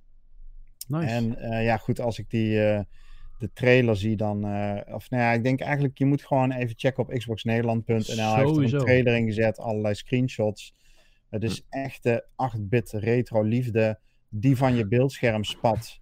eh, met ontzettend, en dat is natuurlijk het allerbelangrijkste, soepele en lekkere en toegankelijke gameplay. En dan is die moeilijke, die pittige moeilijkheidsgraad ook heel erg vergeeflijk, omdat als het dan niet lukt, dan, ehm, dan weet je dat je meer moet oefenen en dat het niet aan de controls ligt. En dat is zijn conclusie. Dus ehm, eh, ik zag in onze Discord dat hij inmiddels op 1000 1000 heeft gezet. Misschien wel als een van de eerste op de wereld. Dat heeft hij eerder met dit soort games weten te presteren. Eh, maar check vooral even zijn review. Infernex op xboxnederland.nl. Zeker, ja. Ehm, je zei het horror. En eh, we gaan van horror. De, ik zou je zeggen, de volgende vier games die we bespreken. Daarin is Rick de rode lijn. Dus dat is wel eh, grappig. Want eh, ze hebben allemaal met Rick te maken op een of andere manier. Oké. Je wou het over. eh, trouwens, even nog een hele korte aanvulling op eh, de game van Dimas. Eh, Phoenix, die is ook in de Game Pass te spelen. Dus dat is een hele goede Nice. aanvulling. Niels, Ja, jij en ik zijn Ja. gedoken in Martha is Dead. ja, inderdaad. En dat is natuurlijk heel logisch, want het is een thriller slash horror game. En dan kom je bij ons twee uit. En niet bij Renko. Of niet dan? Ja, we zijn een aangewezen persoon om dit te gaan doen natuurlijk. Renko, Renko had last van nesteldrang en verhuizingsperikelen. Dus wij hebben ons opgeofferd om, eh, om deze game te spelen. Martha is Dead speelt Ja. zich af in het jaar 1944 in Toscane, Italië. De setting is dus een, eh, eh, de, ja, de, de, de winterdagen. Nou, het is niet letterlijk winter, maar het zijn de winterdagen van de Tweede Wereldoorlog. Ja, klopt. En jij speelt eh, de, de dochter van een eh, vader die een nazi-generaal is in Italië. Ja. En je woont bij je vader en je moeder op een boerderij. En eh, ja, eigenlijk, het, ik zal zonder te spoilen, maar waar het verhaal over gaat, is dat je probeert te achterhalen wat geleid heeft tot de dood van jouw zus. Ja. Jouw tweelingzus, genaamd Martha. Ja, precies. En ehm, de scène en de setting, en ik denk dat dat het eerste pluspunt is wat wij allebei hebben, Niels, is absoluut schitterend. Ja, De manier waarop zij deze ontwikkelaar, een kleine studio, tien mensen, ik weet even de naam niet meer van de studio, maar misschien heb jij hem zo paraat, eh, Niels. wat? Welk Ehm, studio? ja, Eh, Elko maar of goed. zo, maar goed. Gaan we verder. Terwijl jij dat opzoekt, eh, de setting van deze game, een Italiaanse boerderij, ehm, eh, eh, aangrenzend aan bosgebieden met een groot meer eromheen. Eh, het voelt zo authentiek. Die, de kleuren, de weerseffecten, de, ehm, de authentieke Italiaanse stijl. Het zit zo ontzettend goed in elkaar. En je waant je dus eigenlijk in een soort van, hè, voor degenen die ooit in Toscane geweest zijn, alsof je in een soort van vakantieoord bent. Mhm. En tegelijkertijd is er niet één seconde in deze hele game dat je je op je gemak voelt. Dus je hebt een, heel, een hele bijzondere tweesp- eh, tweespeling van enerzijds die hele mooie setting en anderzijds die voortdurende, dat bedrukkende gevoel en dat zit hem in de geluiden, dat zit hem in de mistige scènes die je voorbij ziet komen, dat zit hem in eh, de radioberichten over de Tweede Wereldoorlog, wat eigenlijk als een soort tweede verhaal parallel aan jouw zoektocht loopt. Dat is zo ontzettend indringend en goed neergezet, die, eh, die context. Ik weet niet eh, hoe jij dat beleefd hebt, Niels. Ja, zeker. Alleen, eh, het, is, het is inderdaad twee speling van die dingen. Ehm, en verder, ja, ja, we mogen natuurlijk niet te veel zeggen over de game, weet je, elkaar spoilers. Dus het is een beetje moeilijk van... Er, er is denk ik Ja. gewoon, als je kijkt naar het horrorgedeelte van dit spel, eh, worden er wel een beetje grenzen opgezocht. Van wat, wat laten we zien en wat laten we niet zien. Ook in de context van eh, ehm, ja, mentale beleving van de wereld, laat ik het zo eens even zeggen. Ja. En, Ja, dat, ja. je raakt daaraan aan een kern, hè? Want kijk, wat je natuurlijk in deze game doet, is door te verkennen, door te point en klikken, ga jij achterhalen. Nou, het is geen point-and-click trouwens. Hè. Het is wel gewoon, Ja, je loopt wel rond in die wereld, maar het, is inderdaad, je kan met objecten Ja. allemaal interacten. Ja. Het is interactie met objecten. Point en click is het inderdaad niet helemaal. Ehm, eh, maar hè, je loopt rond, je hebt interactie met objecten, je verzamelt informatie. Veelal doe je dat door middel van fotografie. eh, eh, Ja, op- op een manier trouwens. zoals dat ook in de jaren 40 ging. Ja. En je komt steeds weer terug eigenlijk naar de boerderij om de foto's die je gemaakt hebt te ontwikkelen. En die bevatten dan vaak nieuwe eh, clues waarmee je eh, weer verder kunt. Ehm, om dichter bij de waarheid te komen, ja, moet je eigenlijk eh, de dingen doen die eigenlijk iedere verbeelding ja, ver, eh, ver voorbij gaan. dat kan je wel zeggen. Dat je goed, ja. we gaan hier niet concreet worden, want er zijn natuurlijk gewoon mensen die dit eh, willen, willen gaan spelen. Ehm, maar echt, je kan het je niet voorstellen wat jij aan handelingen moet doen om progressie te maken in het verhaal. Ja. En wat ik daar zo ontzettend goed aan vond, is dat de dingen die ik moest doen als speler, ehm, in, uit, uit de context, in iedere andere game had ik de game al lang weggelegd. En hè, ik, dit Ja. voelde zo, zeg maar, bezwaarlijk, eh, de dingen die je moest doen om meer over het verhaal te ontrafelen. Ehm, eh, ja, dat, dat ik dat eigenlijk de grens van wat we entertainment vinden, Ja. voorbij vond gaan. En toch doe je het. Ja. Toch? ja, toch wil je weten wat er aan de hand is. Toch wil je weten wat er nog meer afspeelt in het verhaal, waardoor je verder gaat. Ja. Ja, klopt. Nou, en, en ik denk eigenlijk dat dat een beetje is eh, wat we erover moeten vertellen. Ik denk dat het aan jullie als speler, mocht je luisteren en denken van nou, ik ga deze game checken, of misschien ben je er al mee bezig. Het is aan jullie zelf om, om eh, natuurlijk om een inschatting te maken van, ehm, ja, is dit een game voor mij? Ik vond het qua horror zelf, hè, van, je hebt niet heel erg van die schrik-effecten. Nee, precies. Eh, precies. hè, dat je op het puntje van je stoel zit. Het is Nee. vooral eh, de walging en het ongemak. Ja, dat, je zult geen enkele game hebben waarbij je dat zo eh, beleefd hebt als, als bij deze game. Ja. Ehm, ik vond persoonlijk zelf dat ze daarin eh, de grenzen opgezocht hebben, grensverleggend geweest zijn en grensoverschrijdend. Ehm, naast een aantal eh, dingen in de mechanics en in de performance die niet goed waren. Ik vond het wel goed genoeg. Dus volgens mij hebben we de 6,5 en een 7 gegeven. Ja. Ehm, als de performance en de queststructuur en dat soort dingen beter waren, had hij een hoger cijfer gekregen. Ja. Maar het is een interessante titel. Ja, het is inderdaad een interessante titel. En inderdaad, dat fotogedeelte vind ik wel erg leuk van de game. We hadden inderdaad een paar kritiekpuntjes inderdaad rondom de performance. Die op 4K is gewoon echt niet best. Dus in het huis wel, maar als je Nee. naar buiten gaat is het gewoon echt helemaal kut. Ja. Eh, de spanning is, weet je, het is echt een soort van... soms is het gewoon een hele goede psychologische thriller. En soms neigt het gewoon naar hele onnodige gore. En dan van, ja, maar goed, eh, moet dit nu om kracht bij te zetten wat er gebeurt? Of eh, iemand zei het net in het artikel, las, las ik ook een terechte titel van... You mixed horror with horrifying, weet je wel? Het is gewoon... Je hoeft niet per se walging naar, in de speler naar boven te brengen om horror te zijn. Je kan het ook in andere manieren kun je dat eh, naar, buiten brengen. Het is gewoon, ja, vooral het ongemak. Maar ook het, eh, het psychische aspect van de game vind ik gewoon erg, eh, vind ik wel geslaagd. Dus inderdaad wat dat betreft wel voldoende. En mocht je de neiging hebben, het is best wel, ja, misschien wel een game die in de Game Pass kan komen. Of zit hij al? Nee, het is niet in de Game Pass, hè? Kan komen. Dan eh zou ik dat- gewoon ja. proberen. Duurt Ja. niet heel erg lang, maar eh, ja. Dus eh, tot zover Martha is Dead. Ja, jammer dat we niet heel erg veel kunnen zeggen erover, want anders krijg je spoilers. Maar eh, goed, we gaan door naar de Nou ja, volgende. goed, we, we hebben denk ik gewoon een heel uitgebreid beeld gegeven van wat wij van de game vonden. En Ja. ja, ja, het we gaan natuurlijk het verhaal niet uit de doeken doen, Nee, want dan hoef je de game niet meer te spelen. Is ook zo. Even kijken. We gaan door naar een volgende. En daar wil ik eventjes een soort van punten voor mezelf of niet. Maar het ligt een beetje aan Rick. We gaan naar, naar Grid Legends. En ik, ik kan me herinneren dat jij in de vorige podcast hebt gezegd van... Nou ja, dit lijkt hem toch wel te gaan worden. Ik wil een soort van eh, eh, leegte vullen van een racer game. Of ja, van een Ja. racer. En die Ja. hoop ik te vinden in Grid Legends. Wat is daaruit Ja. gekomen? Nou Ja, Jeff die verwoordde het goed. Hè? Ik was eigenlijk op zoek naar de sweet spot. De race game die, eh, die me bijblijft en die ik gewoon over de tijd heen eh, zal blijven spelen. Ik heb alles uit de kast getrokken afgelopen jaren. Van Super Mario Kart tot Dirt Rally 2, Dirt 5, F1, eh, drie generaties achter elkaar. Forza Horizon 4, 5 Ja. enzovoort en zo aan. En ehm, eh, tot nu toe was Forza Horizon 5 voor mij de game waar ik de meeste plezier van gehad heb. Maar ik mis daar toch een beetje in.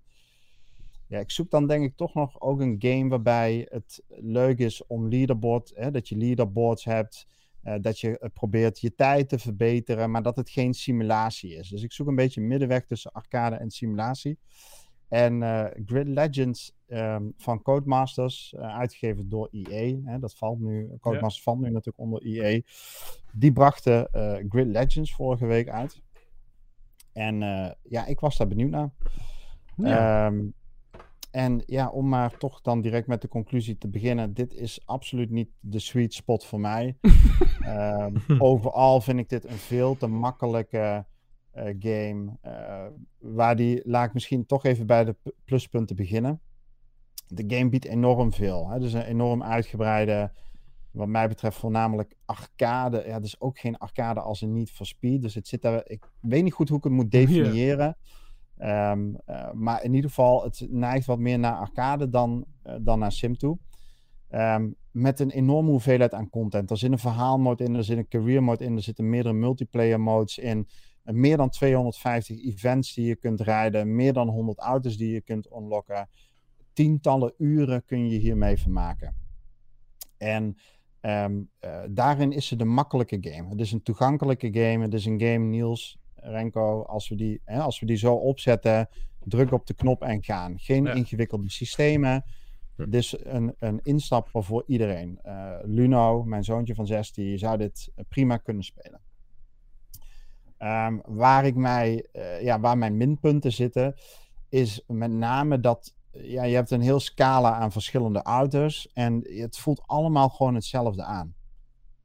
Hè, tuurlijk zijn er wel verschillen, maar ehm, ik heb nooit echt het gevoel gehad, ik ben nu echt met een andere auto aan het rijden. Ik moet dit echt op een andere manier aanpakken, wil ik de eindstreep halen. Ehm, en natuurlijk is het geen sim, maar ik had daar gewoon meer van verwacht. En eh, eigenlijk is dat een soort van rode draad in deze hele game. Dat die, ehm, eh, ja, dat, eh, dat, ja, differentiatie heb ik het genoemd, zeg maar. De, het, de verscheidenheid is niet voelbaar. Zowel niet in het racen, maar ook niet in de weerseffecten. Ook niet eh, in de verschillende steden waar je rijdt. Ook niet de verschillende ondergronden. Het voelt allemaal een beetje meer van hetzelfde. En Ja. dan krijg je dus na tien uur het gevoel van ja, ik rij nu op een andere parcours, maar ik ben gewoon weer hetzelfde aan het doen. Het is een, hè, in plaats van een Maar dat is bocht recht- parcours race toch meestal, of niet? Ja, maar als je dan leaderboards had met tijden die je kunt bijhouden en een auto die je goed kunt tunen, hè, waardoor Ja, je net even eh, hè, het gevoel hebt, oh, nu, ga, hè, nu voel ik dat ik beter kan rijden of sneller ga. Maar dat is er dus niet. Nee. Dus ehm, ja, dan blijft op de eindstreep voor mij een makkelijke, toegankelijke game over met heel veel content, maar eh, relatief weinig kwaliteit. En ik heb hem dan nog een 7 gegeven. Eh, de moeite waard om te proberen, maar niet voor de 60, 70 euro wat mij betreft, waar die nu voor te koop is. Waren het niet dat je natuurlijk met een Game Pass subscriptie de eerste 10 uur Oh ja. ehm gaat, of ja, ga- gratis Nou, trial. spelen. Hè? Ja. Ja. Hm. Nou, dat waren toch de exacte woorden die ik zei tegen, tegen, tegen jou twee geleden. Ja, ja, dat kwam heel erg overeen. en eh, ja, dus het is dan toch goed om het gewoon te proberen, weet je wel. Je moet een eh, boek eh, niet eh, judgen by its cover. Ja. Dus dat heb ik ook niet gedaan. En ja, het is jammer. 10 uur gespeeld. Op zich een leuke game. Ik zal hem nog eens een keer opstarten over een paar weken. En dan nog eens een keer. En dan ja, is het wel weer klaar. Leg je weer weg, ja. Ja. Tot zover Grid Legends. Goed, door naar de volgende game. En daar zou je misschien denken van, ja, wat heeft Rick daar mee te maken, joh? Ehm, nou ja, ga ik het doen? Ga ik, of ga ik eerst Gem, Gem Wizard? Eh, nee, toch de Gem Wizard, sorry. Eerst Ja, eventjes deze. Eh, Gem Wizard Tactics eh, is weer een, goed, Ehm, retro game. En die is dit keer door Eddie geschreven. En nou goed, die, ik moest gelijk denken aan een soort Civ-achtige constructie in de game. Maar eh, ook weer een ja, soort van game die op zich wel leuk is, maar niet heel erg super of zo. Toe een 6 ook wel. Van, nou, weet je wel, it's, it's oké, maar ook weer niet, I guess. Het is een beetje tactisch. Het is een turn-based strategiespel. En eh, het, is, het, is, het is weinig interessant en nieuws. Dus hij zegt het is een beetje saai. Dus eh, wat dat betreft, ja, als je heel veel wil weten over de game, moet je natuurlijk uiteraard naar nederland.nl gaan. Daar staat de review gewoon op de eerste pagina nog, of ergens bij featured. Eh, het is een leuke art, dat wel. Dat is wel weer leuk. Maar eh, het is een saaie turn-based strategie game. Dus, eh ja, goed. Ja. Dat, meer hoef ik niet te zeggen, denk ik. Ehm, ja, dus de volgende game komen we eigenlijk aan bij de game die dus ook nu in de Game Pass zit. die ik een hoog cijfer heb gegeven. En ik denk van, waarom, waarom Rick? Rick was bezig met Elden Ring deze week. En die zei tegen mij van, joh, als iemand Far kan oppikken eh, en uh, reviewen, dan graag. Ik dacht van, nou weet je wat, Far heb ik gezien in een trailer, zag er wel leuk uit. Dus, eh, nou, doe mij maar. Ik ga die game wel reviewen. En vanaf, nou, ik denk een minuutje of vier, denk ik al van, ja, maar dit is gewoon Rick's game. Dit, eh, dit had hij zelf moeten reviewen. Ik zie nu al gewoon, dit gaat hij helemaal tof vinden. En ik ben op een gegeven moment twee uur verder, drie uur verder. Je zegt, nou, op een schaal van 0 tot helemaal Rick, is deze game wel echt helemaal Rick. Gewoon. het is echt gewoon iets wat jij voor mij enorm kan waarderen. Dus eh, Ja. eh, ik raad je ook zeker aan om die game te spelen. Het gaat dus over Far Changing Tides. Het is de sequel op Far Lone Sales. Ik heb Lone Sales nooit gespeeld.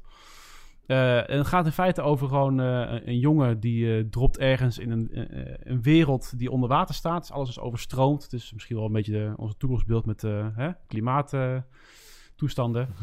Maar ehm eh, dit, dit moet ook wel een beetje denken aan Wa- Waterworld. Maar eh, nou goed, je, moet klauteren en klimmen en puzzeltjes doen. En op een gegeven moment kom je een voertuig tegen. Met dat voertuig ga je gewoon, als het ware, naar het einde van de wereld. Naar rechts, want het is een side-scrolling avontuur. En ehm eh, gaandeweg krijg je upgrades voor jouw... eh, ik zal eens even wat beelden erbij pakken. Krijg je upgrades voor jouw schip. En dan moet je ook steeds meer in jouw schip doen om naar voren te kunnen. Om weer verder te kunnen. En die wisselwerking van gameplay is gewoon zo vet. Het is gewoon zo soepel en lekker. Dat ik dacht van ja, maar dit is gewoon, dit is, dit is het helemaal, jongens. Het is gewoon zo'n indie game. Dit voelt helemaal af. Weet je, de muziek op de achtergrond, eh, de achtergronden die je krijgt, überhaupt. Weet je, de scenery, alles is vergaan, alles is gewoon vol met sfeer. En gameplay mechanics die gewoon werken. Het is niet te, te complex, het is niet te simpel. De puzzels zijn uitdagend. Dus ja, dit, fuck. Dit moet je gewoon hebben, weet je wel. Dan eh, gewoon maak zo'n game en klaar. Het is een beetje te vergelijken met Limbo wat dat betreft. Hè, met het lopen. Dat is een beetje, Ja. misschien wel dezelfde animaties ook. Ehm, maar ook na 4, 5, 6 uur ben je gewoon klaar met die game. Maar dan heb je wel gewoon zo'n zo'n avontuur achter de rug. En, eh, nou ja, Hey, en, en Niels, hoe, eh, hoe zat het met de puzzels in deze game? Waren die een beetje uitdagend of gevarieerd? Of eh, stond het toch in de dienst van het verhaal vooral? Nou ja, die waren eh, gevarieerd. Dat was wel heel erg fijn. Soms heb ik echt wel gezeten van, nou ja, shit, wat moet ik doen, weet je wel. Dat is, ja, dan moet je gewoon heel erg goed rondkijken. Alle, Ja. alle knopjes die je kan indrukken zijn meestal blauw gekleurd. En dan moet je toch gaan kijken naar wat is de interactie tussen deze en deze onderdelen. Eh, dus soms moet je dingen drie tot vier keer opnieuw doen. Maar eh, ik, vind dat, ik vond het eh, leuk en uitdagend. Dus nooit echt een gamebreakend of zo. En ik heb ook geen walkthrough gepakt. Dus dat is meestal wel kenmerkend. Dus dat is wel erg, eh, erg Ja, ik, leuk ik vond dat inderdaad bij Far Loan Sales ook, eh, dat eh, het was, was nooit te moeilijk. Maar je moest wel je best doen. Ja, Je, nou, je dat is een goede wel echt even omschrijving. je best doen met die, Ja. met, met die puzzels. Dat ging niet vanzelf. Ja, en ik raad je ook echt aan om deze game gewoon even zonder kids om je heen, zonder je vrouw of partner of je ouders of vrienden, what- whatever. Doe even je headset op. Ga gewoon twee, drie achter elkaar eventjes gamen en, en ga, word helemaal opgezogen in deze game. Het is echt, eh, echt heel erg leuk. Dus ik heb ook echt gewoon een dikke 9 gegeven. En eh, ik zat te twijfelen, is een 8, 8,5, 9. Maar ik dacht van, ja, maar als je kijkt naar het gevoel wat zo'n game je brengt, denk ik van, nee, maar dit was gewoon leuk, weet je wel. Dit is gewoon, alles klopt. Eh, je zit helemaal lekker sereen in die wereld van de game. En het was gewoon leuk om te spelen. Dus ja, Indie Goatee. indie, potentiële indie goatee inderdaad. Dus dat is wel erg leuk. En dus ik ben benieuwd naar jouw eh, mening, eh, Rick, als je hem eenmaal hebt gespeeld. Dat is wel... eh, Ja, ik, ik ga daar volgende week. ik moet even kijken hoe het met Eldering gaat. Maar ik, ik ga die wel natuurlijk wel spelen zo snel mogelijk. ja, je hebt toch al dit jaar twee hele mooie indies eh, gehad. Hè? Als je Olly Olly World eh, erbij pakt. En nu eh, gespeeld, Far nee. Changing Tides. Nou ja, goed. Je zegt net Elden Ring. Dat is eigenlijk de volgende topic en de laatste topic ook trouwens. Want we zijn alweer een uur, een dik uur bezig. Elden Ring. Eh, de game die toch... Ik zo, ho- soms hoort mezelf nog wel bij Rick. Ik weet niet wat het nou is, maar... Ik, Ja, ik, sorry man. Ik weet het ook niet. Maar ga door. Ik, eh, Als ik heel, heel hard praat, dan hoor ik mezelf nog een beetje in de echo. Maar Elden Ring, die kreeg natuurlijk al eh, wekenlang tienden. En fantastisch, geweldig. En het is allemaal super goed. Ehm, ik heb de game zelf nog niet gespeeld. Ik weet dat ik geen Souls-fan ben. Ik weet dat ik ook geen Souls-games echt goed gespeeld heb. Ik weet van mezelf dat als ik gewoon eh, urenlang moet grinden en eh 15 keer word verslagen door een boss, alsof ik een of andere fucking debiel ben, dat ik dan ook gewoon de game afsluit en denk van ja, jongens, ik ga andere games spelen die voor hem veel leuker zijn. Ik had verwacht van nou, de Elden Ring eh, gaat daar verandering in brengen. Maar, nou hoor ik toch wel een beetje tegengeluiden van joh, dat is deze game niet anders. Maar goed, ik heb de game niet gespeeld, Rick wel. eh, en Rob ook van onze redactie, onze eindredacteur, eh, heer en meester van Xbox Nederland. Maar Rick, vanuit jouw perspectief, Elden Ring. Doen Ja, niet? ik vind dit by far de moeilijkste eh, review waar ik aan deelgenomen heb. Oké. Ehm, ik ben er gewoon nog niet over uit. Ik heb Rob beloofd wel dit weekend mijn bijdrage aan te leveren. Dus, dat, dat, dus dat ga ik ook zeker doen. Misschien eerst even voor de context. Dit is een From Software game. En From Software heeft je onder andere Dark Souls gebracht, eh Demon Souls, eh, Sekiro, eh, Bloodborne. En dat zijn hele moeilijke, hele moeilijke games. Ja. Onverbitterlijk hard, hele moeilijke bosses, ingewikkeld level design, enzovoort, enzovoort. Elden Ring is van dezezelfde studio. Van dezezelfde ontwikkelaar. in samenwerking met George R.R. Martin, die we natuurlijk kennen van Game of Thrones. Game of Thrones. Ja. En Elden Ring combineert eigenlijk verschillende elementen uit alle voorgangers die ik net genoemd heb. In, heel, in één hele grote, niet te onderschatten open wereld. Ehm, wat jouw doel is, is dat de Elden Ring, die is ehm, eh, ja, versplinterd geraakt. En het is jouw taak om, eh, om die scherven te gaan verzamelen. En te zorgen dat ja, wat er in de wereld gebeurt eh, opgelost wordt.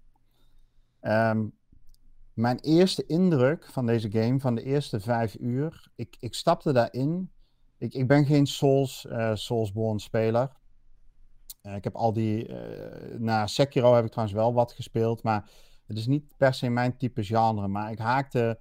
eh, ik was toch geïnteresseerd, onder andere op basis van de beelden die ik zag van de wereld.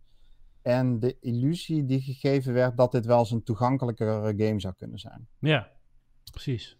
Mijn reactie in de eerste vijf uur van deze game ehm, was niet best. Ik was heel erg ontevreden over eh, de moeilijkheidsgraad. Onvergeeflijk. Je zegt het net al, eh, Niels, of ik weet niet wat voor woorden je nou precies ge- eh, gebruikte, maar in deze game ben jij tarnished, je bent medenless, je bent. Ehm, eh, je, je bent eigenlijk niets, een nietsnut. eh waar je in andere open wereld games eigenlijk al heel snel een soort van heldenrol krijgt. Ja. Ehm, ja, ben jij hier gewoon een of andere stumper die in een wereld eh, zich beweegt die, ehm, eh, ja, waar je eigenlijk helemaal niks in te zoeken hebt. En waarbij je je niet één keer zult moeten bewijzen om ook maar een beetje hè, voetstappen in deze wereld achter te laten, maar duizenden keren. Ja. En ehm, eh, de eerste vijf uur was ik daar niet, niet tevreden over. Ik vond eh, de uitleg, eh, ik, ik kon het niet volgen. Eh, het combat systeem vond ik clunky. Ik vond de camerapositie, kon ik maar moeilijk aan wennen. Ik vond de eh, user interface, dat ik dacht van ja, maar hoe zit het nou, weet je wel? Waar moet ik nou mijn items equippen? Eh, hoe moet ik nou bepaalde eh, consumables gaan gebruiken? Ik vond dat echt rete onoverzichtelijk en dat vind ik nog steeds Toch ben ik gaan wennen aan de game. Eh, tot op zekere hoogte. En daar zal ik zo wat meer over vertellen. Eh, eerst wat eh, eerst, ook omwille van de tijd, trouwens, ik zal wel iets sneller gaan nu, maar over de moeilijkheidsgraad. Dit is een game die ehm, je, je gaat in één klap dood. De eerste vijf tot tien uur. Dit is een game die is niet voor iedereen, maar toch denk ik dat iedereen hem uit zou kunnen spelen. En dat zit hem erin, eh, is dat je in deze game, je hoeft nergens naartoe te gaan. Je hoeft geen bos op te zoeken als je dat niet wil. De game is huge, echt huge op een schaal zoals je dat nog nooit gezien hebt. Die game brengt je op plekken die, ehm, ja, die er zo ontzettend indrukwekkend en mooi uitzien. Die jou in contact brengen met creatures, die jou in contact brengen met ja, flora en fauna, wat daar te Ja. vinden is. Zoals je dat nog nooit in een game gezien hebt. de game gaat eigenlijk om het verkennen en het exploreren. Meer misschien nog wel dan om het combat. Het raakt een gevoel aan, zeg maar, van nieuwsgierigheid, zoals ik dat zelden in games heb. Dat je ehm, jezelf helemaal kunt verliezen. Oh, wat is er achter deze rotsblok? Ja. En wat gebeurt er eigenlijk als ik deze dungeon inga? hey, en overal, alles wat je ziet, je kunt er naartoe. En je weet gewoon, er is iets te beleven, maar je hoeft er niet naartoe. Ja. Als je dat niet wil. Je kunt bosses uit de weg gaan. En daar kom ik op een belangrijk punt. Want eh, natuurlijk heb ik ook bosbattles geprobeerd. En natuurlijk ben ik daar ook keihard in gefaald. Maar dat gaf mij als speler het gevoel, ik hoor hier nog niet te zijn. Ja. Ik moet andere routes en andere Logisch. wegen gaan verkennen. En de manier, hè, er zit een soort ongedwongenheid in. Ehm, die jou een andere richting opleidt. En in die andere richting kom je andere dingen tegen. Verzamel je resources, eh, level je jouw character, maak je progressie, wordt je equipment beter. En zul je merken, hè, na 10 uur, na 20 uur, van hey, dit is een wereld die ik ga leren kennen. ehm, waarin mijn character beter wordt en waarin jij steeds beter aan kunt, eh, eh, steeds beter kunt vertrouwen op jouw inschatting van ik moet hier wel en niet nog zijn. Ja. En ehm, op het moment zeg maar, dat je dat als speler ehm, gaat accepteren van oké, dit is dus de gameplay en die geeft mij geen richting, maar die geeft mij een gevoel van richting en je ziet daar het plezier van in combinatie met de mooie wereld die het te bieden heeft, dan is dit wel een, ehm, ja, toch gewoon wel echt een meesterwerk Oké. ik ben het eens met Rob zijn eerste indrukken. Of nou, niet zijn eerste indrukken, want Rob heeft ook echt een flinke deuk al in die game geslagen. Tranen. Tranen en gewoon krassen op zijn ziel, de game. Ja, maar ik trek daar. Ik trok daar dezelfde conclusies uit. Maar nu ik er 30 uur in zit, trek ik daar andere conclusies uit. Ik groei in de game, merk ik. Ik, ik waardeer het steeds meer. Mhm. ik kan het ook niet meer loslaten. Hè, het is een wereld waarin ik het fijn vind om, om eh, ondanks dat hij zo bedreigend is en eh, zo eh, indrukwekkend kan zijn, is het, een, is het een wereld waarin zoveel te ontdekken is. Ehm, ja, daar heb ik tot nu toe heel veel plezier van. Ik vind het geen 10 uit 10. Nou, dat vind ik dus zo ik- bijzonder. ik- ik- Als ik dan jou Ja, zo ik hoor ben- erin, waarom dan al die tienen? wat zei je? Als ik jou zo Ja, hoor erin, tienen. al die, al die tienen zijn dan zo overdreven. Ja, weet je, kijk, ik geef Sea of Thieves ook een 10. En, eh, en anderen zeggen, ja, maar hè, waar, waar heb je het over? Ja. Ehm, kijk, als je dit natuurlijk door fans laat, eh, laat reviewen, fans van het genre die alle Dark Souls eh, ehm, ja, tig keer doorlopen hebben, ja, dan, dan krijg je tienen uit tienen. Ik vind het geen 10 om, om heel veel redenen. Co-op functioneert niet. De, de user interface is onoverzichtelijk. Het verhaal is niet compact. Hè, dus het is heel moeilijk om bij de Ja. verhaallijn te blijven.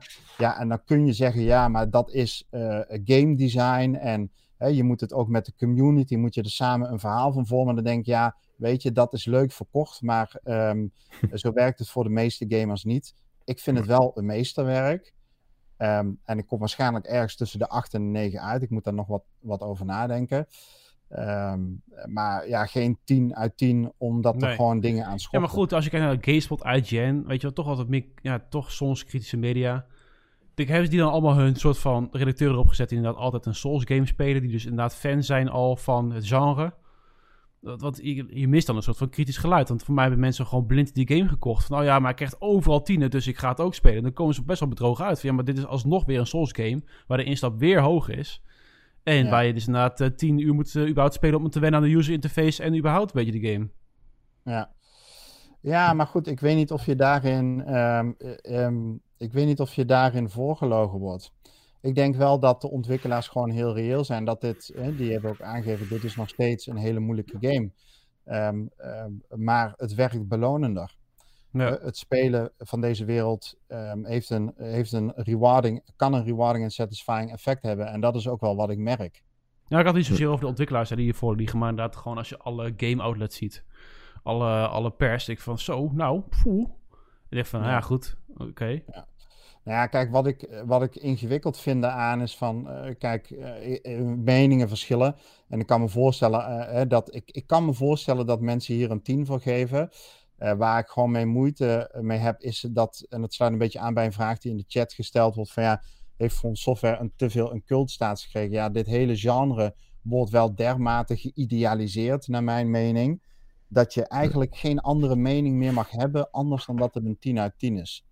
En eh, ja, dat vind ik geen, eh, geen goede ontwikkeling. Eh, waarom zou je niet kritiek mogen hebben Ja, eh, op een game? Waarom zou je niet mogen vinden dat, hè, wat Rob bijvoorbeeld ook in zijn review hierover aangeeft, van ja, dat die game ook een, een, moeilijkheid. eh, waarom zou je niet mogen vinden dat die een moeilijkheidsgraad zou mo- moeten hebben? precies. Ja, nou, dat soort dingen, ja. Ja, eigenlijk creëer je gewoon je eigen moeilijkheidsgraad. Want je kan ook zeggen, ja, ik ga vijf uur lang eh, ruins farmen, waardoor je je level kunt upgraden. En daarmee ontstaat een, speel, spelwereld die wat meer naar eh, eh, med- of medium, hoe heet het? Moderate niveau neigt. Ja, Ja, zoiets, ja. Zou je ook voor kunnen kiezen om, om dat Ja, gewoon maar goed, zo, dat eh, neigt toch veel te veel... Dat lijkt mij neigt meer naar grinding dan naar... Ik ga een leuke spel spelen die gewoon voor mij een medium is en noem maar op, toch? Ja. Dan ga je runes Ja, farmen. precies. Ja. Dus dat snap ik ook wel weer inderdaad. eh, en, en waarom inderdaad gewoon niet de moeilijkheidsgraad? Wat de hel? Kijk, sommige, Ja. spelen, sommige mensen die spelen alleen maar op easy. En dan denken ze, ja, ik wil gewoon het verhaal meekrijgen en that's it. Ja. Nou goed, oké. Nou, tot zover Ja. in ieder geval. Is even, tenminste, we nog iets kwijt? Of eh, we zijn alweer eh, een uur en een kwartier onderweg, dus... eh, Nee, ja, complimenten voor onze moderators die een aantal toxische mensen die ineens komen invaden in deze stream geband hebben. Op, Oh, oprotten, het denk ik dan. ja, ik weet niet. Ik kreeg het niet allemaal mee omdat ik in mijn Eldering verhaal zat. Elden Maar, Ring, ehm, eh, oké. Ik, ik, ik denk nog laatst wat ik erover wil zeggen is dat. ehm, eh, ehm, nee, ik weet het toch niet. Ik wou zeggen van ja, deze game, eh, hij kan voor. eh, je kan hem uitspelen. Ook, ik ben, eh, ik ben hoogstens een gemiddelde gamer. Ik ben helemaal niet, eh, niet skilled. Maar als je het bijvoorbeeld vergelijkt met echt hele moeilijke games zoals Cuphead. Daarin heb je niet van dat soort trucjes dat je door middel van. ehm, eh, ja, gewoon ja, bepaalde mechanismes te exploiteren, zeg maar. Dat je eh, wat progressie kunt boeken, waardoor iets wat eigenlijk heel moeilijk is, toch wat toegankelijker voor je wordt. Hè, dat zijn games die heel erg moeilijk blijven. Deze game is als je volhoudt hè, en als je geïnteresseerd bent om ehm, eh, ja, de wereld te begrijpen en hoe bepaalde eh, mechanismes werken en hoe je die kunt uitbuiten, dan denk ik op basis van 30 uur nu dat deze game voor iedereen te spelen is. Of dat ook leuk is, ja, dat zul je aan de hand van de gaan lezen. Dat is een leuke disclaimer, Rick. Ja, het is voor iedereen te spelen. Maar of het leuk is, eh, dat is een tweede. Ja, maar het is, het is dus niet zo'n game die. ehm, eh, ik ben het bijvoorbeeld op dat punt met Rob niet eens. Eh, het is niet een te moeilijke game. Oké. Je kan progressie boeken, je kan bosses verslaan, alleen je zal er andere dingen voor moeten doen. En misschien wat langer en wat meer eh, werk moeten leveren, maar het is te doen. Oké, oké, duidelijk, Hm. duidelijk, duidelijk, duidelijk. Jongens, we gaan afsluiten. Eh, we zijn al eh, ruim over tijd. Ik weet niet meer hoe lang het heeft geleden. ik wilde een tijd gaan noemen, maar nee. Ehm, we gaan nog één laatste ding doen. En dat is namelijk... Dat hebben we zelf gespeeld.